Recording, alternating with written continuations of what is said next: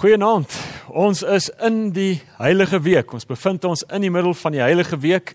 Dit is die grootste week in die geskiedenis van die mensdom. En vandag is ons meer spesifiek by die Donderdag aand, die gebeure daar in die in die bovertrek. Ek is so bly en ek is dankbaar dat jy gekies het om hierdie Heilige Week saam met KSM te beleef. Onthou asseblief môreoggend, dis goeie Vrydagoggend, is daar 9 ure diens waarby jy kan inskakel. Ons wil baie graag hê dat jy die pakket van hierdie heilige week saam met ons sal beleef. Kom ons bid saam. Hemelse Vader, dis vir ons so wonderlik om in hierdie week te kon terugkyk en om besig te wees met terugkyk en te onthou om herinner te word aan u liefde wat wat mens geword het. Aan die liefde wat wat vlees geword het, wat beliggaam is in Jesus Christus. En dankie Here Jesus dat ons in hierdie week op 'n besondere manier kon nadink dit wat u deurgemaak het sodat ons mens kan wees soos wat u bedoel het ons moet wees. In hierdie aand Here waarin ons ook rondom die nagmaal bymekaar is, die maaltyd van die Here bymekaar is, is dit ons begeerte Here dat dit elkeen van ons se belewenis ook sal wees dat U ons ontmoet deur U woord en deur die werk van U Gees. Dankie vir U woord wat die waarheid is en wat vir ons die lewe leer leef op 'n manier wat U verheerlik en daarom op 'n manier wat sin maak en betekenis het. Kom praat asseblief ook vanaand met elkeen van ons. Kom praat met ons deur die Bybel, deur die werk van die Gees en ook deur die deur die sakrament hierdie maaltyd van ons Here. Ons bid dit in die naam van Jesus. Amen. Die gedeelte waaruit ons lees vanaand is Lukas 22. En ek gaan van vers 7 af lees. Ek gaan dit nie nou dadelik die hele gedeelte lees nie. Ons gaan so vers vir vers deurlees tot daar by vers 20. So van uh Lukas 22 vers 7 tot by vers 20. In vers 7 staan daar die dag van die ongesuurde brood waarop die paaslam geslag moes word het aangebreek. Jesus stuur toe vir Petrus en Johannes vooruit, dis vers 8, uh om met die opdrag gaan berei die Paasmaaltyd vir ons voor dat ons dit kan eet. Hier skop die fees van die ongesuurde brode nou af en dit is 'n 7 dae fees waarin die Israeliete vir baie eeue lank gedenk het, nagedink het daaroor dat hulle uit Egipte bevry is. So dis die uittog uit Egipte wat vir 7 dae lank gevier word uh, deur die Jode en dan spesifiek ook vier hulle die feit dat hulle uit slawerny vrygemaak is. En op hierdie eerste dag van hierdie 7 dae is nou die donderdag aand, die 14de Nisan om nou meer spesifiek te wees. Dis nie 'n kar nie, dis die datum in die Joodse kalender. Die 14de Nisan vind op die donderdag aand die Pasga of die Paasmaaltyd plaas. Nou so hier dit skop met ander woorde die fees van die ongesuurde brode af.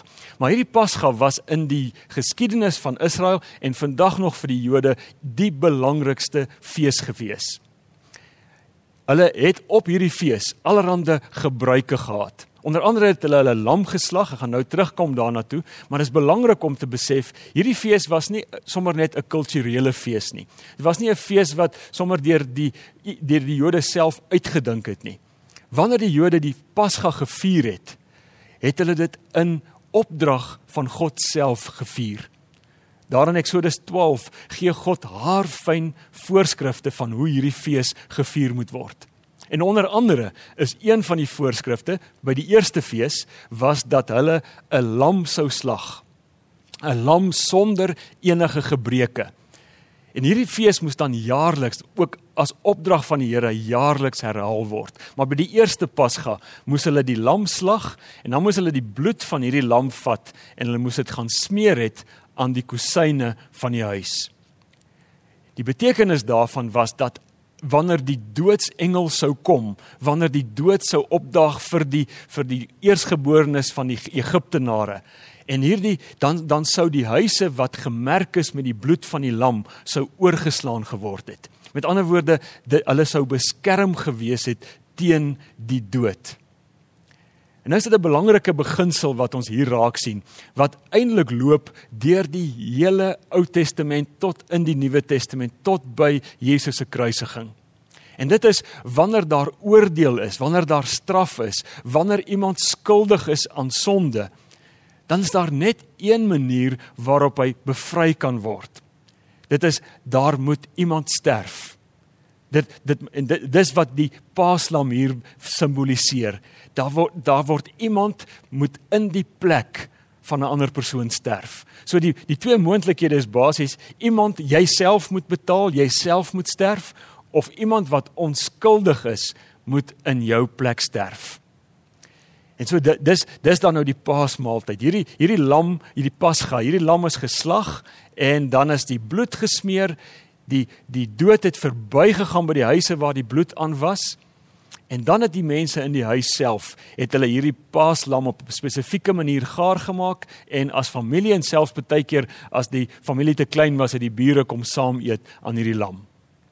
En dis hierdie maaltyd wat Jesus nou vir uh, Johannes en vir Petrus stuur om te gaan voorberei. Hulle en, en as ons hierdie woorde voorberei hoor, dan kan ons baie maklik dink dis sommer sommer 'n vinnige voorbereiding wat getref moet word, amper soos gou gaan gou 'n paar choppies of 'n uh, paar pakkies chips te gaan koop by die Spar. Dis nie wat die voorbereiding behels het nie. Hierdie voorbereiding het alreeds op die maandag begin, die 10de Nisan. En op die maandag is is die uh, paaslam dan uitgekies. En wanneer hierdie paaslam uitgekies het, onthou dit moes 'n lam sonder enige gebreke gewees het. Wanneer hy uitgekies is, dan is hy na die priesters toegeneem. En die priesters moes dan sertifiseer dat hierdie lam sonder gebreke is, dat hierdie lam geskik is om geslag te word as deel van die Pasga, as deel van die Paasfeesviering. En dan is hulle na die tempel toe met hierdie lam wat gesertifiseer is deur die priesters en daar is die lam geslag. Dit het gebeur op die op die donderdag, die 14de Nisan is hierdie lam geslag. En hulle sê dit was maar 'n maar 'n groot gemors geweest daar want daar is op 'n so dag selfs tot 200 000 lammers geslag, het Josephus gesê. So dis 'n groot geslag van lammers en dan is die bloed van die lammers gesprinkel op die altaar. En dan eers, en dis alles deel van hierdie voorbereiding waarvan Jesus praat hier, dan eers is hierdie lam huis toe geneem en dan is hy daar op 'n baie spesifieke manier gaar gemaak. En dit het Johannes en Petrus nou gaan doen en in die bovertrek het hulle gereed gemaak, die die lam, die ander kos bygemaak, alles volgens die voorskrifte en dis by hierdie maaltyd waar waar vers 14 dan die volgende sê. Vers 14 gaan dan sê dan toe die toe dit tyd was het Jesus aan tafel gegaan en die apostels dis dis 'n ander woord vir die disippels wat hier wat dui op hulle gestuurdheid toe hy het saam met die apostels aan die tafel gegaan.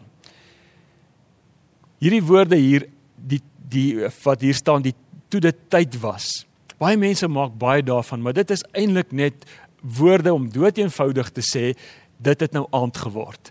Die son het ondergegaan want die Pasga, hierdie maaltyd moes na sononder op die 14de Nisan gevier word. So die lammers is nou geslag, die mense is in hulle huis en nou kom Jesus en sy naaste, sy nuwe geloofsfamilie wat sy disippels is en hulle kom soos die 2020 vertaling sê, hulle kom leun aan by die tafel. Hulle kom lê aan by die tafel om om hierdie feesmaal te vier wat vir baie eeue al gevier is.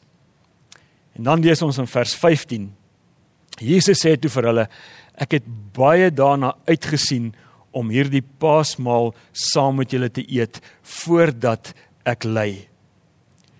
As jy letterlik hierdie woorde vertaal wat hier staan, hierdie ek het baie uitgesien, dan staan daar as jy dit letterlik uit die Grieks vertaal, dan staan daar ek het begeer om te begeer. Nou, dis die sterkste moontlike manier waarop Jesus kon uitdruk hoe baie hy uitgesien het om hierdie maaltyd saam met hulle te vier. En ons gaan net nou hoop ek by die rede uitkom waarom Jesus so baie oor hier uitgesien het na hierdie maaltyd om saam met hulle te vier. Iemand het geskryf, sy Engelse persoon het gesê, "This is probably the most important meal in all of eternity." Een van die belangrikste maaltye ooit is hierdie Pasga waar waarvoor Jesus en sy disippels nou hier bymekaar gekom het. As ons na hierdie maaltyd kyk, dan dan dan kon Jesus nie bekostig dat dat iets hierdie maaltyd onderbreek nie, want dit was hierdie geweldige groot maaltyd. Daarom sien ons stuur hy net twee disippels uit, net vir Johannes en Petrus om dit te gaan voorberei. En hulle doen dit met baie min inligting. So Jesus laat hierdie maaltyd so half in die geheim voorberei, want hy kan nie bekostig dat hierdie maaltyd skeefloop nie. Dis die belangrikste een van die belangrikste maaltye ooit. Jesus wou nie gehad het Judas moet byvoorbeeld weet waar die maaltyd gehou gaan word nie want hy wou nie gehad het Judas moet met die klomp Sanhedrin mense en die soldate voor die maaltyd klaar is daar opdaag nie. Want hierdie maaltyd hy hy hy het begeer om te begeer om hierdie maaltyd te vier saam met sy volgelinge. Want want wat hier tydens hierdie maaltyd gaan gebeur is net na hierdie maaltyd binne enkele ure na hierdie maaltyd dan word Jesus self die lam van God wat die sonde van die wêreld sal wegneem. Hy word die volmaakte lam van God wat die sonde van die wêreld wegneem. En terwyl Jesus besig is om hierdie opdrag te te gee, en terwyl hy daar vir hulle sê, ek het so uitgesien na hierdie maaltyd, het Jesus presies geweet wat vir hom voorlê. Hy het presies geweet binne ure gaan die sonde van die wêreld op my kop. Die volmaakte paaslam se kop afkom. Want dit was mos die gebruik. Die Jode het voor die paaslam geslag is het hulle hulle hande op sy kop gesit as 'n simbool. Ons sonde is nou op hierdie lam. Binne ure sou die sonde van die wêreld op die volmaakte lam van God afkom. Jesus het geweet van die pyn die lyding die straf die godverlatenheid wat vir hom voorgelê het. En tog is hierdie maaltyd so belangrik dat hy dit saam met sy geliefde vriende, sy nuwe familie vier. En dan is ons by vers 16. Daar ons gaan lees tot daar by vers 18. Vers 16 sê ek sê vir julle ek sal dit nie weer eet voor dit in die koninkryk van God sy volle betekenis gekry het nie. Daarna neem Jesus 'n beker, spreek die dankgebed uit en sê Neem dit en gee dit vir mekaar. Ek sê vir julle, ek sal van nou af nie weer drink voordat die koninkryk van God gekom het nie. Hier sê Jesus twee keer dieselfde ding. En en as jy weer eens as jy na die Grieks gaan kyk, dan is dit die sterkste ontkenningswoord wat in Grieks bestaan wat Jesus hier gebruik. En wat hy hier sê is ek gaan nooit weer die Pasga vier nie. Hier is die laaste Pasga wat ek ooit sal vier. En en maar, maar Jesus doen meer daarmee. Hy sê hier hierdie Pasga is nie hierdie Pasga wat ek nou eet is nie net my laaste maaltyd op aarde nie. Dit is sommer ook die laaste Pasga. Van hier af is die Pasga nie meer nodig nie. Van hier af sal daar nie meer 'n Pasga wees nie. En nou klink dit snaaks want ons weet die Jode vier tot vandag toe nog Pasga. En daar selfs Christene wat wat wat dink hulle is dalk dink hulle is hulle is bietjie slim of smart dat hulle oor die Pasga en sekere Pas Pasga gebruike nog uh, vier. Maar Jesus sê hierdie is die laaste Pasga. Want want die lam van God, Jesus het die lamsvleis geëet by die Pasga. En net daarna toe word hy die lam. Engelse aanhaling is mooi, he ate the lamb and then he became the lamb. En daarom as daar vandag Pasga gevier het, dan is dit dalk 'n mooi gebruik of wat dit ook al is, maar dit is onnodig. Dit is dit is betekenisloos. Want Jesus die pas paaslam, die volmaakte paaslam het gekom en hy het gesterf. Geen Pasga sal ooit weer nodig wees nie. Maar nou sê ek nie heeltemal reg nie. Want Jesus sê hier iets anders ook. Hy sê daar gaan weer. Hy daar gaan weer. Hy het nou net gesê dit gaan nooit ooit ooit weer gebeur nie. maar daar gaan tog weer 'n pas gaan wees.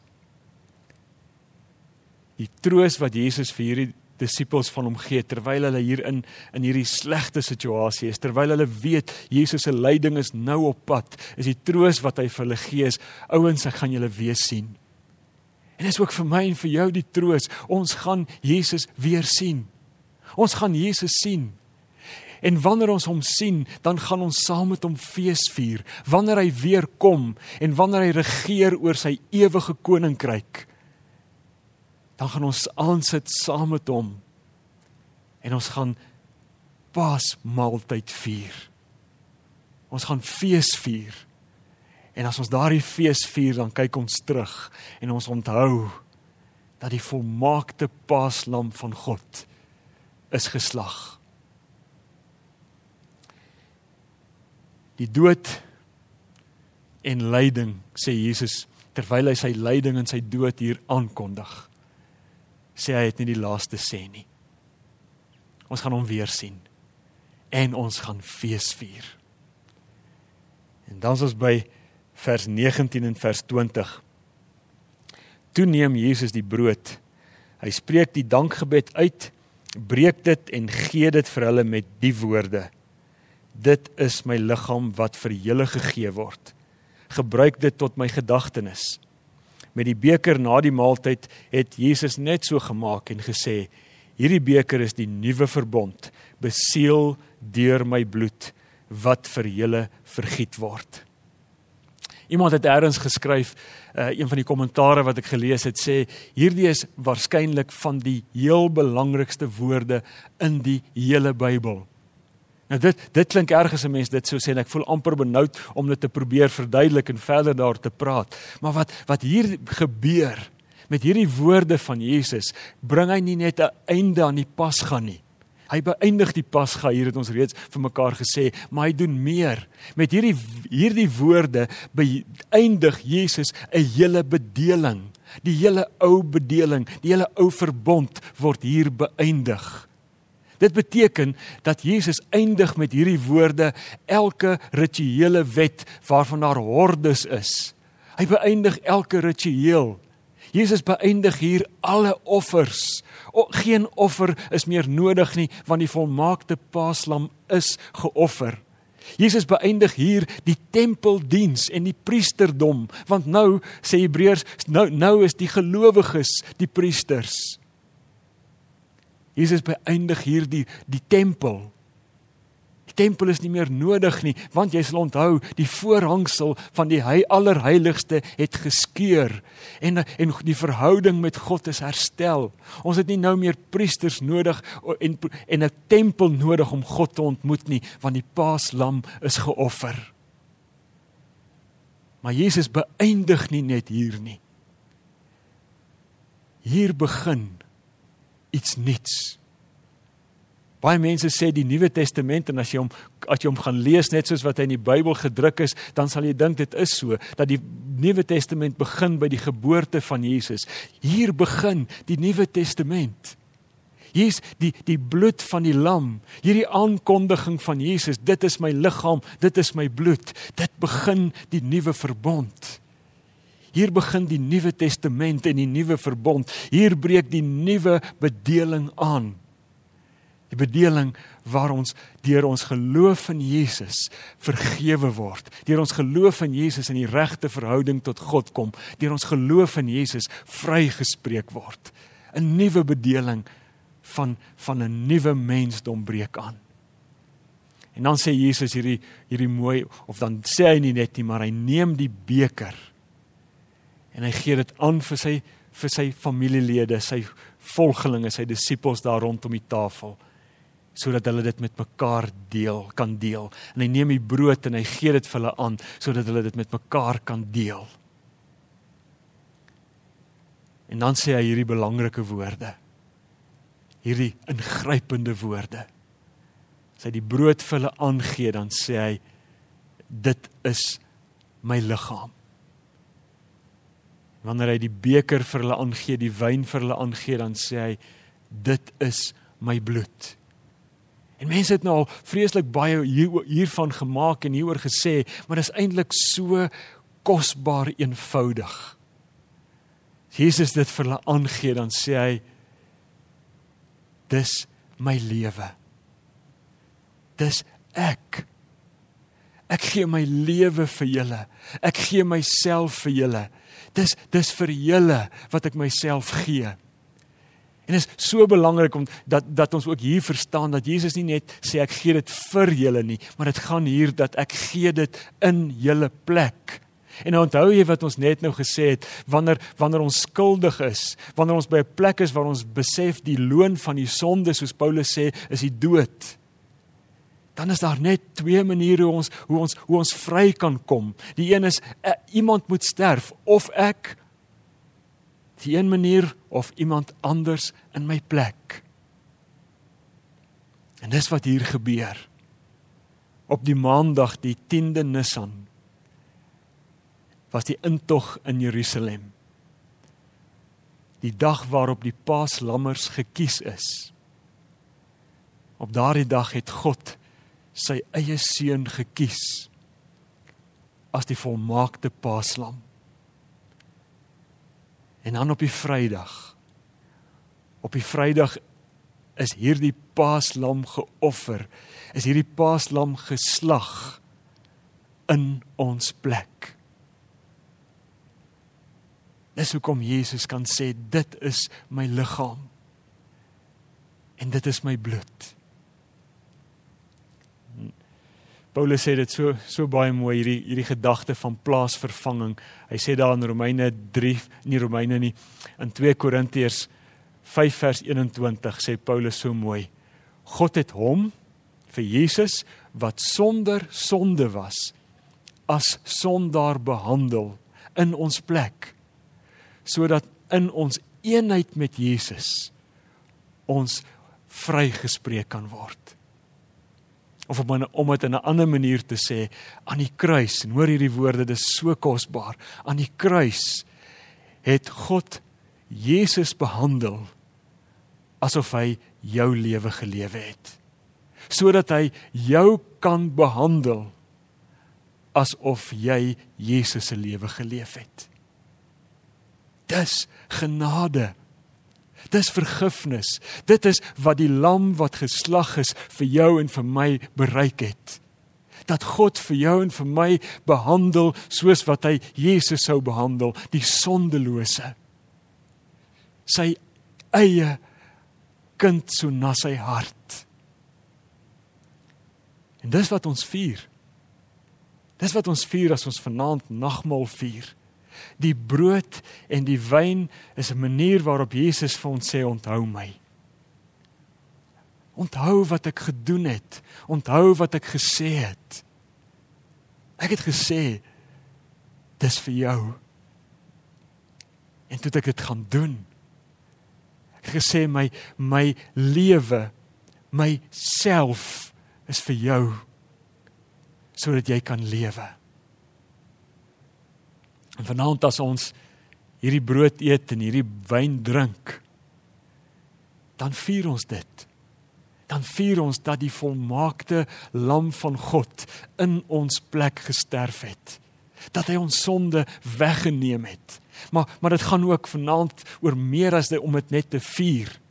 As ek hierdie brood eet en ek en ek drink die wyn, dan aanvaar ek opnuut weer dit wat Jesus vir my gedoen het. Of dalk aanvaar jy dit vanaand en wat 'n wonderlike aand sal dit nie wees nie as jy vir die eerste keer hierdie offer wat gebring is op Golgotha aan die kruis vir jou aanvaar. Dit is aanvaar Here Jesus. Vir my het u gesterf. In my plek het u gesterf. Ek aanvaar dit. En daarom hier is my lewe. Ek wil die lewe op u manier leef. Nou hier op aarde. Maar ek wil ook wanneer u weer kom, Here Jesus, saam met u aansit aan die maaltyd, aan die feesmaal. En ek wil fees vier. Omdat omdat die volmaakte offer gebring is vir my. Gaan nou geleentheid gee vir stilte. Gaan gaan met 'n gedank 'n dankgebed doen, dan gaan ons uh, daar waar jy is by jou huis, as jy alleen is of as jy saam met 'n geliefde daar is of saam met ander mense in jou huis is, dan gaan ons in stilte die nagmaal, die maaltyd van die Here geniet, die brood eet en die wyn drink. Ons doen dit in stilte terwyl ons vir die Here sê Here, ek aanvaar wat U gedoen het vir my. Ek dank U daarvoor, ek loof U daarvoor. Dankie dat U offer dat U dood lewe gebring het vir my vir altyd. Ons gaan dit in stilte doen en uh gaan 'n mooi beeld op die skerm verskyn en mooi musiek wees en wees net so rustig, is daar saam en beleef die Here se teenwoordigheid en aanvaar weer eens dit wat hy in jou plek gedoen het. Here Jesus, ons aanbid U as die volmaakte lam van God wat die sonde van die wêreld kom wegneem het. Vanaand wil ek ook baie diep en persoonlik vir U sê dankie Here Jesus dat U in my plek gesterf het. Dat U dit gedoen het wat ter duisende paaslammers deur al die eeue nie kon doen nie. Eintlik maar net na vore vooruitgewys het na toe. Dat U as volmaakte lam van God gesterf het. Dat U my kom nuut maak het, kom bevry het van sonde en die slawerny van sonde soos wat geen ander offer kon doen nie. Dankie Vader dat U uit liefde U seun gegee het. Dankie Heilige Gees dat U ons oortuig van hierdie waarheid. En Here Jesus, ons erken vanaand dat by hierdie maaltyd is U die gasheer. En ons wil graag vanaand die brood en die wyn uit U hand ontvang dankbare harte. Soos wat ons altyd bid vir ons by 'n maaltyd aansit en eet. Seën hierdie voedsel aan ons liggame en maak ons hom opreg dankbaar vir die lewe wat U ons skenk deur Jesus. Amen.